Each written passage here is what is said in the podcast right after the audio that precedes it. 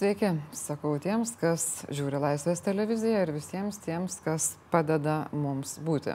Na, o tie, kurie dar nepadeda, gali pradėti padėti jau nuo dabar, nes yra pats laikas skirti uh, savo pajamų mokesčio dalį mūsų televizijai. Jūs net nepajusit, kad paskirėt tuos pinigus mums, tiksliau nepajusit tol, kol nepamatysit, ką mes už juos padarėm. Na, o šios dienos studijos svečiai yra Aidas Puklevičius, komunikacijos specialistas.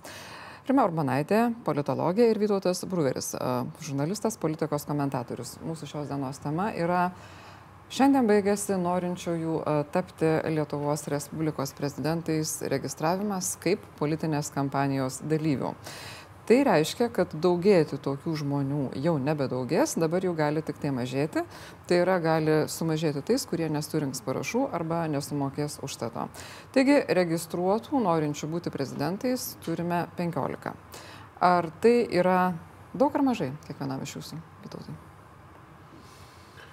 Na, čia tas pats skaičius gal nėra svarbiausias dalykas ar kažkoks labai simptomiškas dalykas. Čia reikia klausti, kiek daug maž daugiau ar mažiau adekvačių kandidatų ten yra. Ar tokių, kurie, na, realiai dalyvauja, kurie gali realiai sudalyvauti ir būtent sudalyvauti prezidento rinkimuose. E, kurie realiai gali pretenduoti siekti prezidento posto. O, o, o ne, kaip, kaip, o ne kaip pačiam tokių... atrodo, kiek yra realių? Pusė bus? Trys gal? Tai trys, tai tie patys trys, apie kuriuos visi šneka. Dar būtų galėjęs ketvirtas iššokti į traukinį, bet e, ketvirtą valandą, e, ketvirtą valandą e, sušaukė spaudos konferenciją ir pareiškė, kad vis dėlto jis labiau myli Kauną, ne Lietuvą. Čia apie Matėjo Šaitį. O tie trys, tai visiems seniai žinomi, tai Skvernelis, Šimonytė ir Nausėda bent taip liudija visuomenės nuomonės apklausos. Kaip žinoma, aišku, visuomenės nuomonės apklausos nėra, švelniai tariant, pats tiksliausias barometras ir būsimų rinkimų rezultatų rodiklis Lietuvoje. Na, bet vis tiek jos kažkokią tendenciją rodo ir, ir, ir na, tai, tai pačia, pati bendriausia tendencija yra tokia. O kiti, yra, o kiti tas antras, antrasis ešelonas iš tų keliolikos, kurių, manau, vis tiek liks gal kokie parašų sugebės surinkti, manau, nu, gal penki, kokie šeši dar. Tai bendroji sumoje aš nemanau, kad daugiau turėtų būti kandidatų negu, pavyzdžiui, negu, negu, negu per praėjusius, pavyzdžiui, prezidentų rinkimus. Tai vat, iš tų, kurie ten sugebė, sugebės, turėtų sugebėti surinkti parašus dar keli, o kiti tai atsisijos, atsisijos visiškai tiesiog dėl to, kad norėjo pašmižuoti televizijos ekranuose, ar šiaip trinktelio į galvą kokie, kokie nors spinduliai, nežinau, uh, sugalvojo, kad gali būti ten vis dėlto realiai apsvaigo, kad gali būti ten prezidentais kokiais nors. O tie, kurie sugebės surinkti parašus, tai jie dalyvauja tiesiog labai pragmatiškai, nes prezidento rinkimai yra gera tokia scena padinti savo asmeninę politinę kapitalizaciją. Ir dar, kadangi yra Europos parlamento rinkimuose, tai bent keli iš jų dalyvaus čia kaip, kaip na, Europos parlamento rinkimų kampanijai. Pavyzdžiui, koks nors, koks nors Mazuronis, koks nors Tomaševskis, Čia akivaizdžiai jie dalyvauja pirmiausia taiko į Europos parlamentą. Iš tikrųjų, Valdemaras Tomaševskis jau anksčiau yra sakęs, kad sistema yra paskyrusi prezidentą ir dabar staiga šiandien jisai iššoka su paraiška, kad irgi dalyvaus prezidento rinkimuose. Kaip paaiškėjo šiandien, jis siekdamas užsiregistruoti net neturėjo banko sąskaitos, kurią turi turėti pretendentas. Tai tokie pavyzdžiai, kiek jie rodo ketinimų rimtumą, o kiek kitus dalykus, apie kuriuos kalba Vytautas. Tikrai aš kalbu apie tai nu, jau kurį laiką, kad mes niekada pasyvios rinkimų teisės, tai yra teisės kandidatuoti, būti tais kandidatais tikrai nenorime riboti, bet kad stebime tam tikrą piknaudžiavimą arba išnaudojimą dalyvavimo kaip platforma savo dviem minutėm eterio, pavadinkim taip, arba kitiems rinkimams, ką ką tik minėjo a, Vytautas Bruveris, tai mes na, turim va, tą tokį galbūt bandymą iššokti į tą kažkokią na, areną, kur yra matomumas didesnis, bet šiuo atveju na, tas ir minėtas pavyzdys akivaizdžiai rodo, kad žmogus uh, yra, na, žmogaus veiksmas prieštarauja jo kalboms. Tai ir aš manau, kad nemažai daliai kandidatų bus ir būdinga tai, kad uh, tai, ką jie kalba, ką jie daro, na, prieštaraus vienas kitam. Ir kitas dalykas, mes matysime ne tik tai tai, bet matysime, kad jų argumentai prieštarauja vienas kitam net ir, ir, tik tai, ir jau kalbose yra daug nelogiškumų, neadekvatumo ir panašių dalykų. Tai tikrai ir ta praktika rodo, kad anksčiau taip pat mes turėdavome tų vadinamųjų pretendentų į kandidatus ir 19, ir maždaug ir 14. Tai 23 esame. Taip, turėję. tai ir turėjom dar esam daugiau, bet maždaug taip 5-7 jie vis dėlto surenka tuos parašus, susimoka tuos pinigus ir paskui dalyvauja. Bet tikrai apie kandidatus, kurie turi realesnius šansus pakovoti dėl patekimo į antrą turą. Maždaug, manau, kad mes irgi turime kalbėti maždaug apie tris. E, deja, šiandien visų kitų nėra. Kampanijas kai kurie vykdo aktyviau, tai yra tikrai mes matome realiai, kaip aš sakau, 3,5 kandidato, kurie vykdo kampanijas. Tai yra Juozaitis tikrai pakankamai daug važinėja, nepaisant to, kad mes na, vertinam jo šansus taip rezervuotai. Tai yra Ingrida Šimonytė, tai yra Gitanas Nausėda.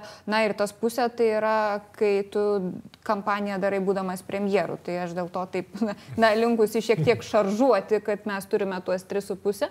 Visi kiti kol kas net kampanijų iš esmės kaip tokių a, rimtų nevykdo, tai dėl to mes irgi iš to jau galime matyti, kad kai kurie yra vieno klausimo kandidatai išgarsėję su viena istorija ir taip toliau ir, na, šoka į tą traukinį, kad gautų, kaip tikrai sakom, tas kelias minutės eterio. Na, Kauno meras, apie kurį jau pradėjo kalbėti Vytautas Bruveris, šiandieną visą dieną bandė palaikyti dramą iki pat dienos, ko ne pabaigos. Šiandieną visą dieną bandė palaikyti dramą. nu, bet taip ir buvo, nes ko ne iki pat VRK darbo pabaigos jis taip ir neneigė, kad nekandidatuos.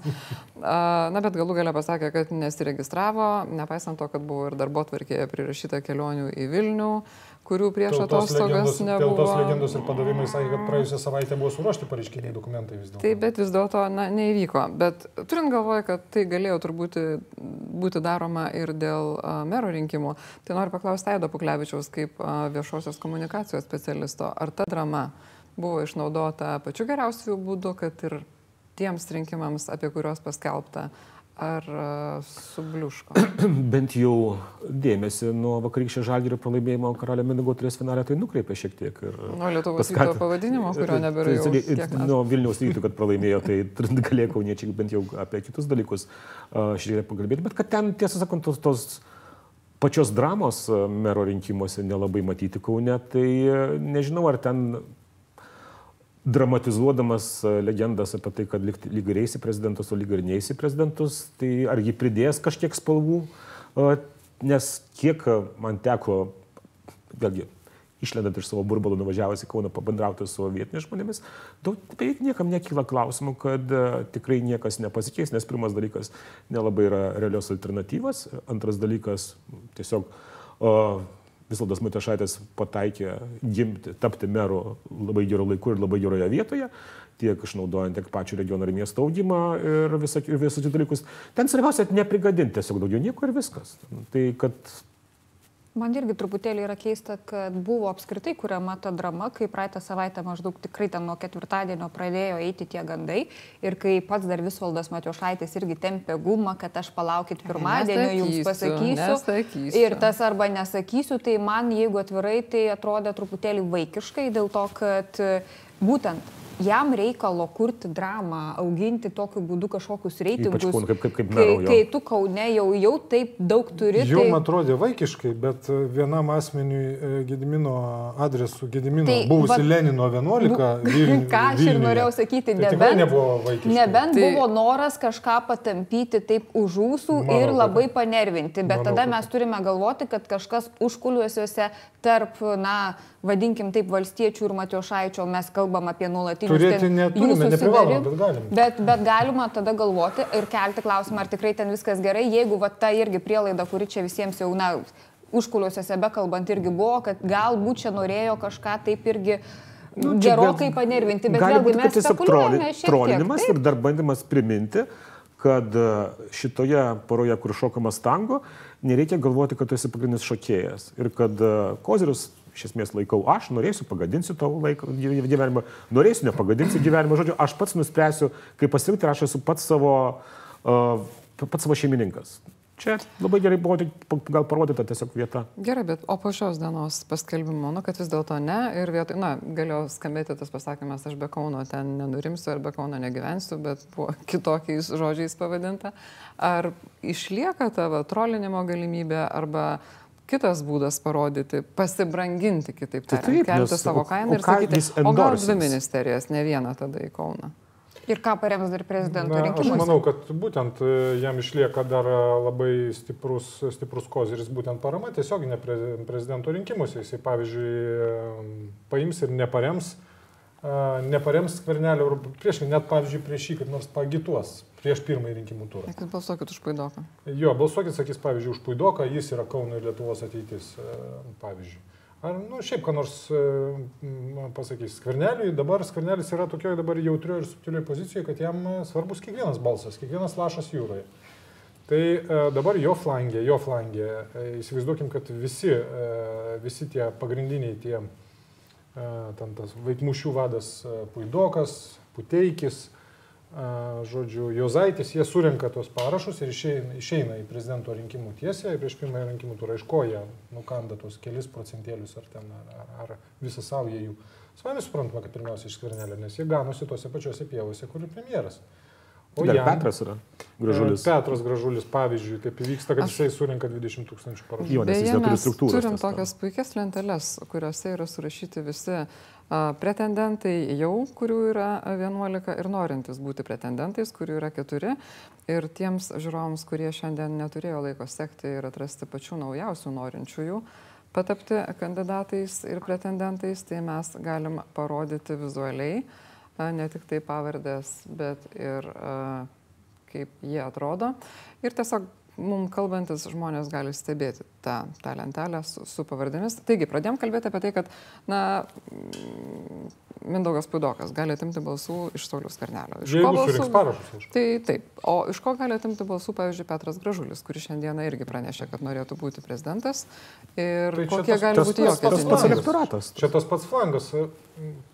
Jeigu dešiniajame flange vyks tik tai normal, normalus, e, e, ten yra heteroseksuali, reiškia, kanibalų pora, e, yra jie tik tai dviese, Šimonytė ir Nausėda valgys vienas kitą, tai tam manajame flange, tame saliginai tos antrosios Lietuvos, kurios schematika pats skvernelis ir, ir visi valstiečiai itin aktyviai dabar eksploatuoja ir jie manipuliuoja. Tai tame flange, na, tai visas pulkas. Tai jeigu dar ten atsiranda gražulis, jeigu ten praeina puidokas su 20 tūkstančių parašų, ten yra puteikis, ten yra jozaitis. E, Ten, atsir, ten atsiranda, gal kaip nors dar yra, aš nežinau, kaip dabar yra formali teisinė situacija su Tomaševskiu. E, tai, tai įsivaizduokit, jie visi, jie visi valgo vienas kitą ir ten toks visiškai grupinis gaunasi ir mm, homoseksualus kanibalizmo sensas. Tai- Su Tomaševskiu padėtis yra tokia, kad a, jam reikia sumokėti užstatą, jis tą sąskaitą vis dėlto Atsidaręs, Sugebėjo tai- atsidaryti, panašu, kad- Nu, tai gerai. tai Laptopas vat- leido šį kartą. Tai jo, tai nu, infrastruktūra, infrastruktūra jisai turi, e, ta, ta jo partija, e, ta jo partija, ar dabar partijų blokas e, rusų ir lenkų, ten yra na, visiškai feudalinis darinys, e, teisingai išmuštruota gera, sakant, mašina ir, ir jie tos parašus turėtų surinkti, na tai... tai kaip Ir parašus ir balsų skaičių. Ir, ir, ir balsų skaičių ne visai maža, kaip... kaip Nuo tam- 6 iki kokių 8 procentų, jeigu remiantis Tai ankstesnių rinkimų Tai jie patirtimi. visi, jie, visi, jie visi nukabinės, aišku, nuo skvernelio, todėl skvernelio šansai nepraeiti į antrąjį turą didėja. Na, mūsų žiūrovai jau pradeda uh, užduoti jums klausimus. Na, galim pradėti nuo tokio visiškai paprasto, kurį uždavė Vitenės Juškauskas, arba Juskauskas, atsiprašau, jeigu iškraipau.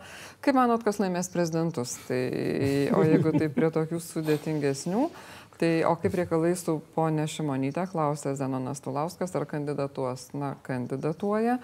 Uh, Paulius Tankaitis. Kokia bus pagrindinė tema tarp kandidatų? Čia matyt turime galvoje debatai arba Aš dar pridėčiau nuo savęs į klausimą, ko, kokią savo stipriąją pusę kiekvienas iš tų, kuriuos jūs vadinat realiais, gali bandyti iškelti, kad patrauktų rinkėjus. Faktiškai jų beveik visų, turbūt labiau išskyrus gal sakyčiau Petrą Užtrevičių, silpnoji pusė yra užsienio politika, kaip besuptum.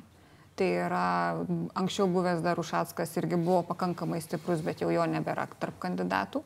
Tai aš manau, kad ir žinant tai, kad žmonės nėra labai linkę domėtis užsienio politikos klausimais, tai nors šita tema turėtų būti ta fron- frontinė arba pagrindinė, ji nebus pagrindinė. O kadangi tikrai, tikrai nebus. nebūna. Taip, ir jinai nebus, nors jinai su, suprantam lyg ir teoriškai turėtų būti, o praktiškai bus tai, kas labiausiai rūpi, tai yra tie socioekonominiai klausimai. Tuo labiau, kad ir tikisi, mes turime ir ekonomistų, tai žmonės tikėsis, kad jie siūlys kažkokius receptus panacėjas, kaip čia staiga mums užgyventi gražiai. Ir bijau, kad vis dėlto kandidatai tikrai nekalbės apie tai, kad žmonės, na, aš negaliu ir to, ir to, nes man neleidžia tos funkcijos ir tie gali. Šimonytė, manau, kažkuria, ir, kažkiek sakys. Tai galbūt va Šimonytė tik tai bus ta, ta tokia atviresnė, bet vis tiek visi bandys sakyti, kad štai čia tikrai aš darysiu, bandysiu e, teisingumas, socialinė lygybė, geresnis gyvenimas, nežinau, kažkas tikrai bus ten tokių, kurie ir mažesnės kainas žadės ir, ir panašius dalykus.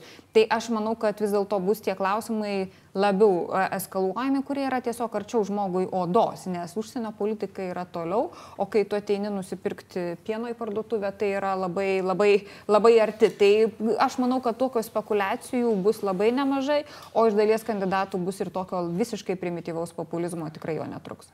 Čia vienintelis atvejis, kur jeigu būtų rinkimai vykę, sakykime, 14 metų žiemą, Tai gal tada dar būtų užsienio politika kažką padariusi šiek tiek e, įtakos e, debatams ir panašiai, nes vis tik tada ir Maidanas, ir, ir Rusija, ir panašus dalykai. Tai tada bent jau buvo šiek tiek užsienio naujienos aktualizuotas, nors aš šiek tiek įtariu, kad vis tiek jos, jeigu žiūrint televizijos žinių reitingą, vis tiek nusileisdavo tiek orams, tiek kriminaliniams naujienams, kaip visuomet dažniausiai būna, kai pasižiūri šitos dalykus.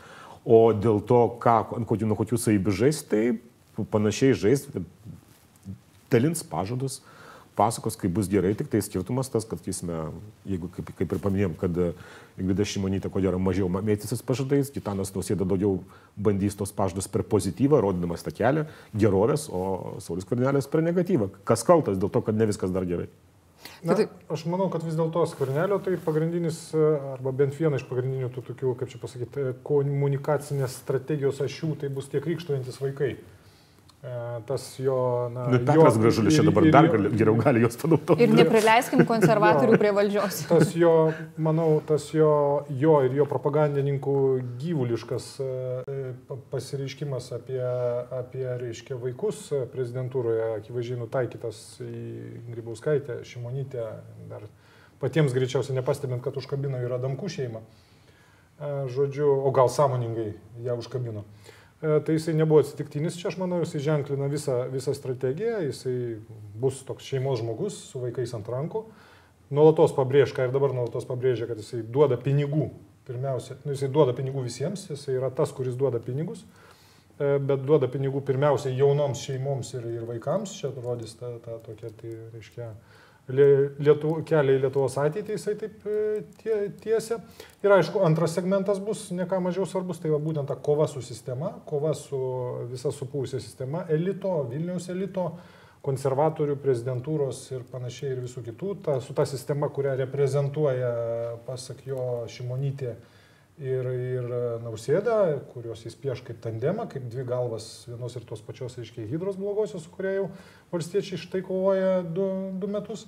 Visą tai suprantama, kodėl jam išradinėti kažkokią naują Ameriką. Būtent ant šito tokio primityvaus populistinio visų e, rūšių ir spalvų populistų nujodinėto arkliuko jie atėjo į pergalę 2016 metų rinkimuose, tai ko jam čia, ko jam čia kažką naujo išradinėti, tas atsaliginai apie vaikus, tas toks su, su vaikais e, bus, bus momentas.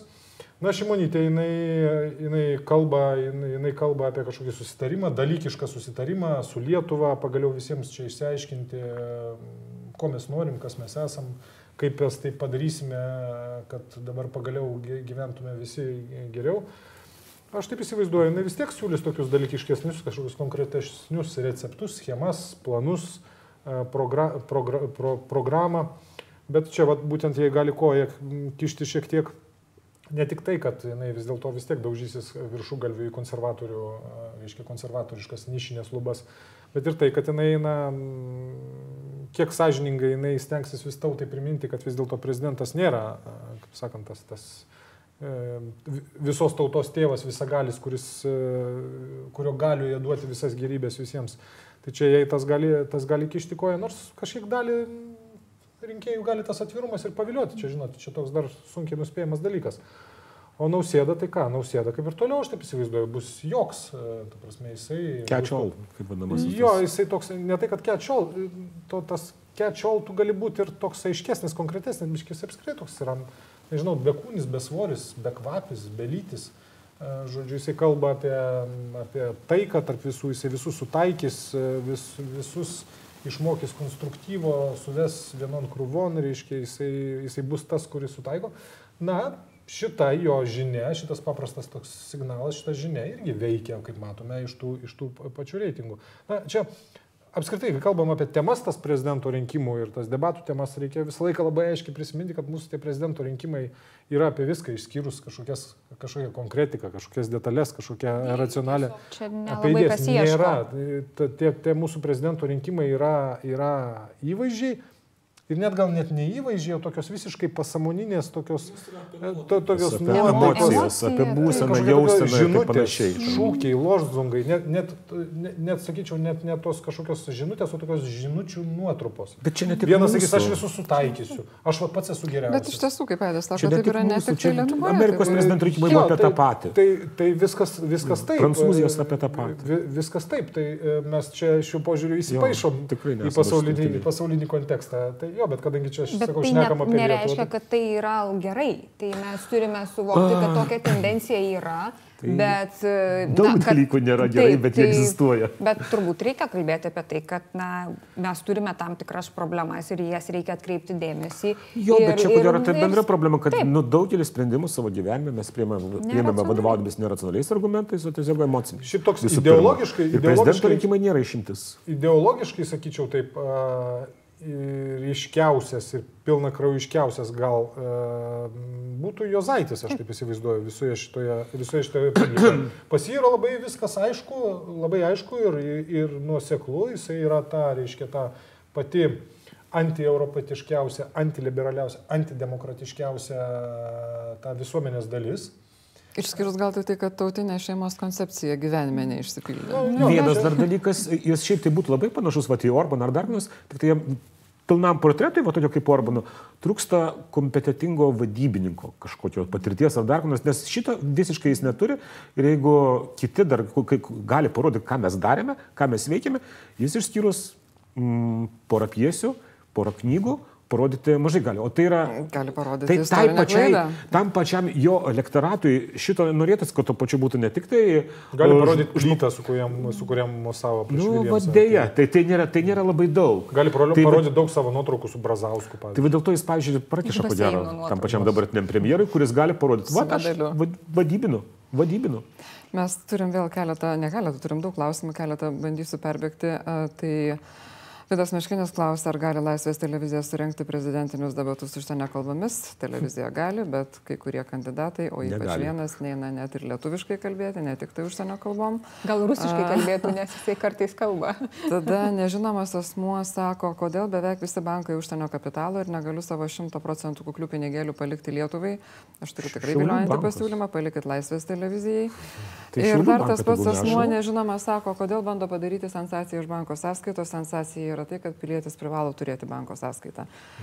Ne apie tai kalbam. Kalbam apie tai, kad žmogus, kuris nori užsiregistruoti pretendentu į Lietuvos prezidentus, tą sąskaitos atidarimą pasilieka paskutiniai dienai. Ir beje, žinot, žinot, tai jau ne pirmą kartą, nes ne pirmą kartą Nes ne, kandidatuoja. ne pirmą kartą kandidatuoja ponas Valdemaras Tomaševskis. žmogus yra partijos, e, parlamentinės partijos lyderis ir e. Europos parlamento narys.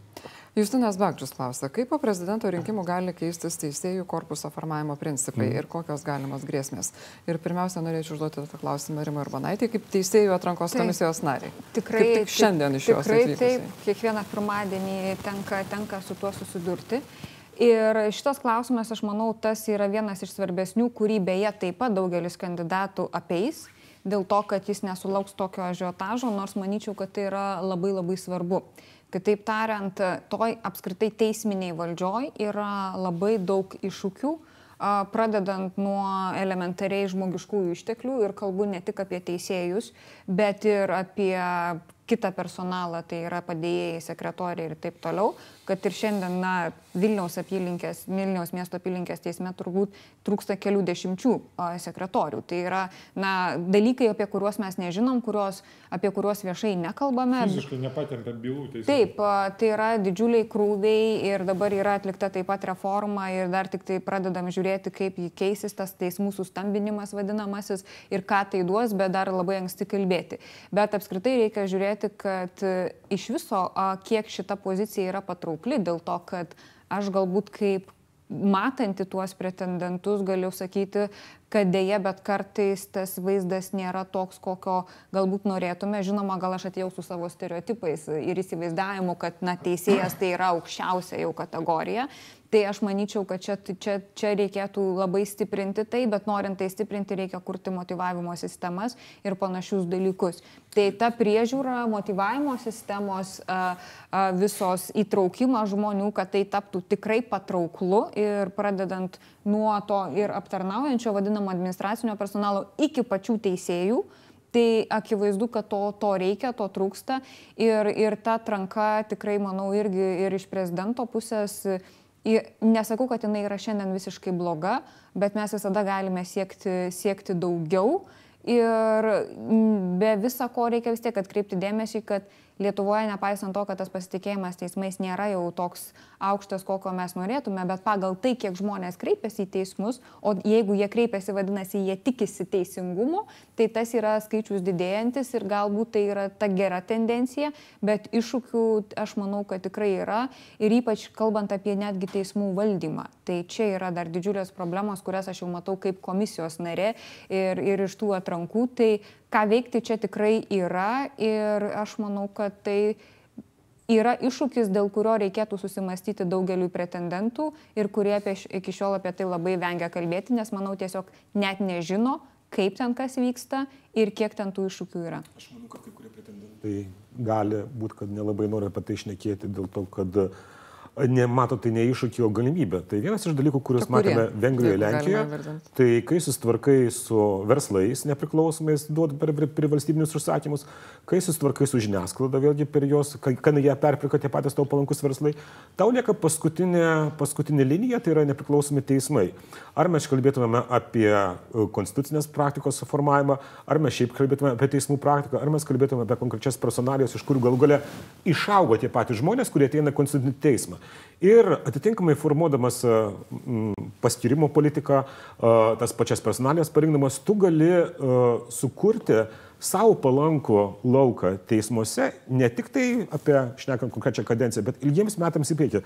Pažiūrėkime Ameriką, dėl ko daugiausiai buvo laukiama iš Trumpo ir ką jis efektyviausiai beje daro ir dėl ko jam ploja daugelis respublikonų, ne ta jo bazė, kuris, sakysim, daug ko neišman dalyko, bet patys įstandardžiai. Būtent dėl to, kad sustabdytų uh, aktyvizmą aukščiausiam teisme, kad sustabdytų kitose federalinės teismuose aktyvizmą ir primtų ir skirtų konservatyvesnius teisėjus, kurie nelinkia taip greitai ir taip plačiai interpretuoti konstitucijos. Žodžiu, kad būtų grįž, grįžtama prie, vadinamo, literalinio jos traktavimo interpretavimo. Ir tai yra dalykas, kuris veiks ilgus metus. Tai aš dėl to šneku, kad čia va, šitas tas galimybė įlysti į teismų sritį labai giliai ir ją pakeisti, tai manau vienas iš tų, iš tų dalykų, apie kuriuos mes turime galvoti, svarstydami, kurį kandidatą pasirinkti. Tai gali būti tam tikra, na tikrai ir kartu grėsme dėl to, kad jeigu tikrai ta...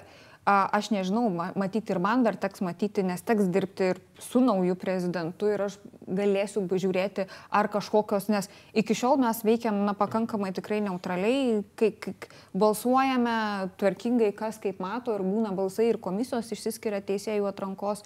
Aišku, mūsų sprendimas prezidento nesaisto, bet iš, iš, iš, vis tiek tas procesas jisai vienaip arba kitaip vyksta. O jeigu čia prasidės ir jeigu netyčia ateitų prezidentas, kuris tame matytų savo galios na, įtvirtinimo instrumentą, tai mes galime susiturti su labai rimta problema, tuo labiau, kad, na, aš turiu vis tiek pasakyti, kad jeigu mes kalbam apie demokratinę valstybę, tai yra tie pilioriai, tai yra ta pati įstatymų leidžiamoji, vykdomoji valdžia ir teisminė. Ir jeigu tos pirmos dvi, tie du pilioriai pradeda kažkaip skilinėti, tą demokratijos stogą turi atlaikyti teisminė valdžia, kuri iš esmės... Arba jeigu jie pradeda susilieti į vieną. Taip, tai nu, tada atlaiko, atlaiko tada teisminė valdžia ir kodėl kai kas sako, na, kodėl Amerikoje negriūna tas jų prezidentizmas, nors dažniausiai prezidento administracija yra, tarkim, respublikonai, o kongrese demokratai ir da, labai retai būna, kad sutampa. Daug kas sako, kad tas yra stabilizatorius irgi ta teisminė valdžia, kuri demokratiniai valstybėje yra be galo svarbi. Tai jeigu mes čia dar pamatytume ta, tam tikras tendencijas ir jeigu kandidatai apie tai galvoja kaip būtent apie galimybę, o ne kaip iššūkį ir, ta, ir žiūri į problemas, kurias reikia spręsti, tai mes galim turėti čia dar irgi rimtų problemų. Tikrai manau, kad tarp jų tokių yra. Vytautai, nori replikuoti apie Jo, nes klausimas labai geras ir mm, nuo jo atspyrus dėl tos, reiškia, teismų, teismų ir teisėjų, čia į platesnius vandenis mm, galima ir būtina išplaukti, ką kolegos iš dalies ir padarė. E, Na, pirmiausia, aišku, teisybės dėlį reikia pasakyti, kad mes jau problemas turime ir turime seniai su ta teisėjų atrankos sistema ir su teismų nepriklausomumu, jų politizavimu ir panašiai. Per savo dvi kadencijas prezidentė Grybauskaitė šitą sistemą gerokai sumakalavo. Ir sumakalavo ne tik tai teismų ir teisėjų atrankos sistemą, bet ir, pavyzdžiui, prokuratūrą ir kitas teisės saugos institucijas. Tai dabar bet kas, kas ateis į jos vietą, ras šią sistemą gerokai sumakaluotą. E, tai čia e, pirmas dalykas, kurį reikia pas- pasakyti, iliustruojant apskritai situacijos, situacijos sudėtingumą. Dabar, e, jeigu ten pataps nausėda prezidentu, sakysim, ar šimonytė, e, aišku, jie e, bandys vykdyti kažkokią, reiškia, savo politiką, aš nežinau, nausėda, čia priklausys, aišku, nuo šiaip bendrojo po- politinio potencialo, nausėda bus atskira istorija, nes tai bus tik tai prezidentūra ir prezidentūros rėmuose tai bus komanda politinė ir įtaka.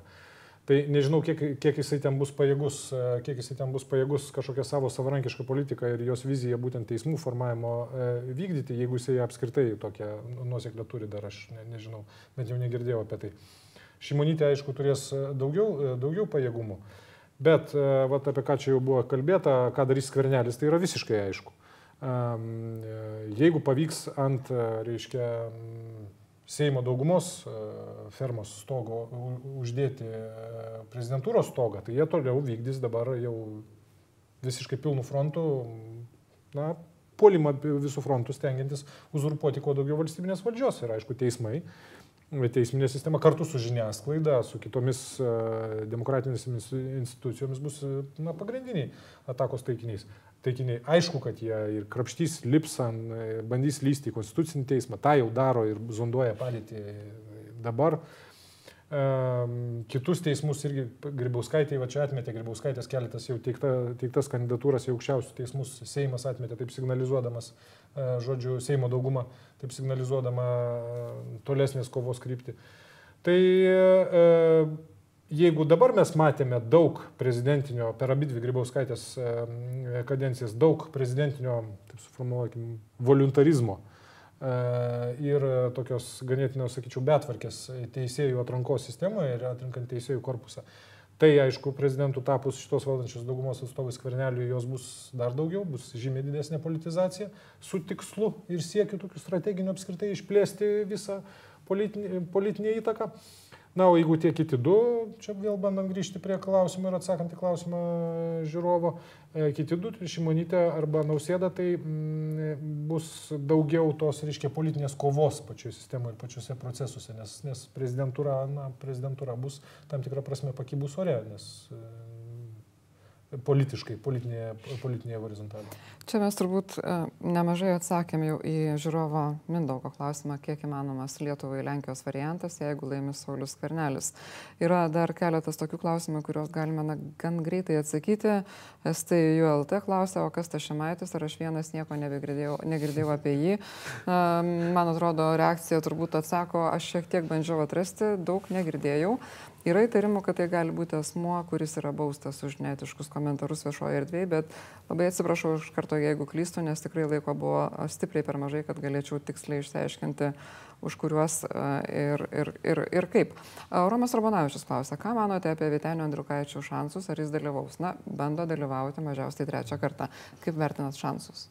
Tai tie jo procentai buvo anksčiau taip maždaug 5-7, dabar jis irgi papuola į tą gana didelį katilą.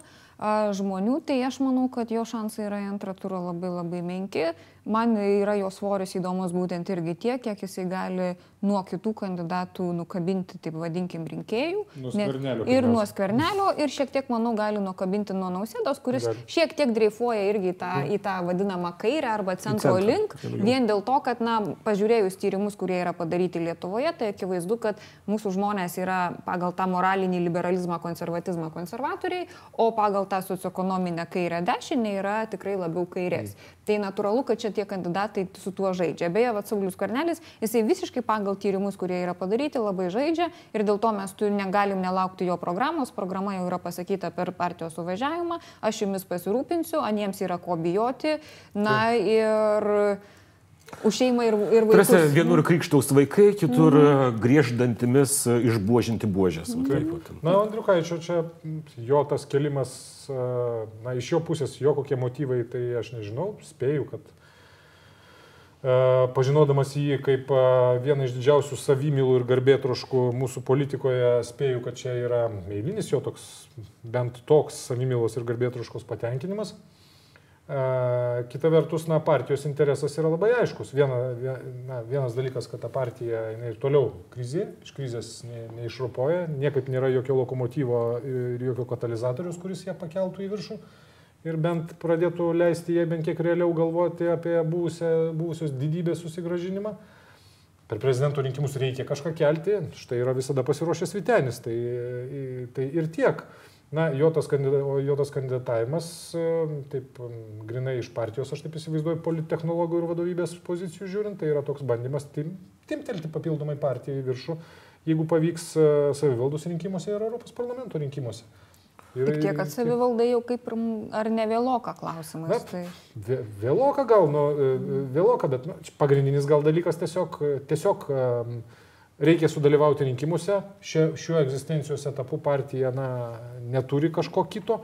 A, tai na, vat yra Andriukaitis, kuris na, tai viešoje erdvėje per kokius debatus su savo konstitucijos išmanimu ir visko, visko paaišymu į konstitucinių doktrinų kontekstą galės tam padraskyti akis skvernelio ir kitiems kandidatams. Tai Ir dar viena priežastis baigėsi, jau į pabaigą eina Žanklodo Junkerio komisijos kadencija tiesiog. Ir Taip, atsiras, kažkiek jau. Atsiras daug laisvo laiko. Ir, ir, ir irgi gal galvoja apie kažkokį, nežinau, comebacką į nacionalinę politiką, nors tai jau irgi visiškai jau, jau yra, taip sakant, rudeninis patriarchas. Na, beje, Vitenis Andrukaitis. Uh yra vienas iš tų, kuris galėtų dalyvauti Laisvės televizijos rengiamuose debatuose užsienio kalba.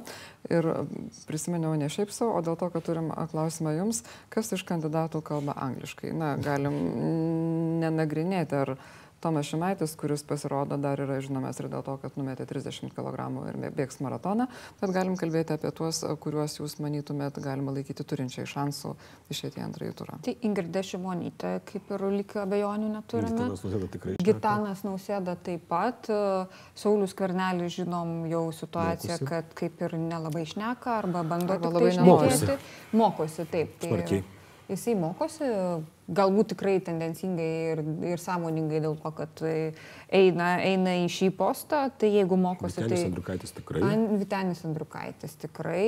O, Visi... Petras Gražulės neturiu net mažiausio suopračio, kaip ten yra. Tai matyti jau tie kiti, tai jau tai yra to, to jau tikrai ne, ne, ne pirmo, vadinkim, tai prato kandidatai. Tai... Ne, čia matyti, apskritai reikia išsiriškinti, apie kokį anglų kalbos mokėjimą mes e, šnekame. Laisvą. E, laisvą, būtent, būtent apie laisvą, e, nes e, jeigu kalbame apie tai, kad politikų... 20... Atsiprašau, skaitau ir rašau su žodynu. Ne, ne, ne, čia ne, ne, ne, ne, tai čia... Čia apskritai skaito gali, žmogus, gali žmogus pasakyti, kad aš moku angliškai, turėdamas omenyje, kad e, gali užsakyti bare laus ar paklausti kelio ar paklausti kiek valandų. Bet tai ne apie tai kalba eina, nes na, 21 amžiaus Lietuvos valstybės vadovui na, reikia mokėti angliškai, reikia mokėti angliškai visiškai laisvai, kad jisai galėtų Nes mūsų kaip valstybės vis dėlto daryti užkulisinę politiką. Tai ir labai Taip. svarbus, kad mes turėtume žmogų, kuris atstovauja valstybę ir kuris gali ne tik iš lapelio paskaityti kalbą, anglų kalbą, bet kuris gali diskutuoti. Ir aš kažkaip šitoje vietoje visą laiką prisimenu valdą Damkų, na, skaitant ir, ir jo jau tuos vadinamosius dienoraščius, na, kai, kai jis Europos komisijoje jam teko tarpininkauti tarp Lenkijos vadovo ir tada ten mm. buvo Merkel ir, ir Prancūzijos e, prezidentas. Tai esmė tame, kad jis tikrai lakstė ir jo Nu, lenkų, lenkų kalbos žinios, anglų kalbos žinios jam labai stipriai padėjo. Tai šiaip arba dar net paprastesnis pavyzdys, Mei skambutis Grybauskaitė čia praeitą savaitę, kur dėl, dėl būtent Brexito. Nu, čia tas aplyga- gyvosios Tai, aplyga- tai va klausimas, ar galėtų čia. pamoderuoti Saulis Karnelis, tarkime, tarp uh, Lenkijos atstovų ir, ir kitų ES. Jis galėtų nurodyti užčiaupti- lenkiškai, užčiaupti tą žmogų. lenkiškai galbūt. Kurį įdomu. Angliškai Pasirinkti čia pirmą. Ir turim dar vieną Indrės Altanaitės klausimą, kurį bandysim spėti atsakyti. Kurie kandidatai, atsiprašau, ne šitas, čia kurie turi šansų daugiausiai mes jau kaip ir apkalbėjom, kokiais aspektais reikia domėtis ir į ką reikia kreipti dėmesį renkantis prezidentą? Gal, na, sakykime, jūsų nuožiūra kokia nors, nežinau, vienas, du ar trys pagrindiniai dalykai, į ką kreipti dėmesį žmogui renkantis. Kiek realistiškai, kiek realistiškai jis žada kažką, nes tai yra vis tiek. ar nežada per tai, yra, daug? tai, yra tas filtras, kur tu gali... Gerai, sakysime, žmogui reikia dviejų dalykų. Reikia ir racionalaus patik, patikinimo, ir emocinio. Tai pirmas dalykas, kiek realistiškai jis žada, tai tas vienas yra filtras, o emocinis, nu taip tiesiog pažiūrėti, ar aš noriu matyti šitą žmogų penkis metus savo valstybės mm, svarbiausioje kėdėje. Ir aš irgi atkreipčiau dėmesį į tai, kad jeigu jums kandidatas pradės žadėti apie tai, kad čia mažės kainos, kad čia bus daugiau lygybės, kad aš čia dar įvesiu kokius progresinius mokesčius ar panašius O jeigu dalykus. pensijas padidinsi? Tai pensijas padidinsiu, Ką, tai tokį privilegiją? kandidatą galima iš karto brokuoti, nes tas kan- prezidentas tai nėra įstatymų leidžiamoji valdžia. Taip, jis turi įstatymų iniciatyvos teisę, bet iš esmės e, sprendimus priima Seimas ir Seime esanti valdančioji dauguma. Tai tokie visokie pažadai yra labai aiškus signalas, kad šito kandidato nereikėtų rinktis. Ir jisai jo nesudaro, jisai nedalyvauja vyriausybės posėdžiuose ir taip toliau. Tai akivaizdu, kad tokie kandidatai na, gali būti brauktini.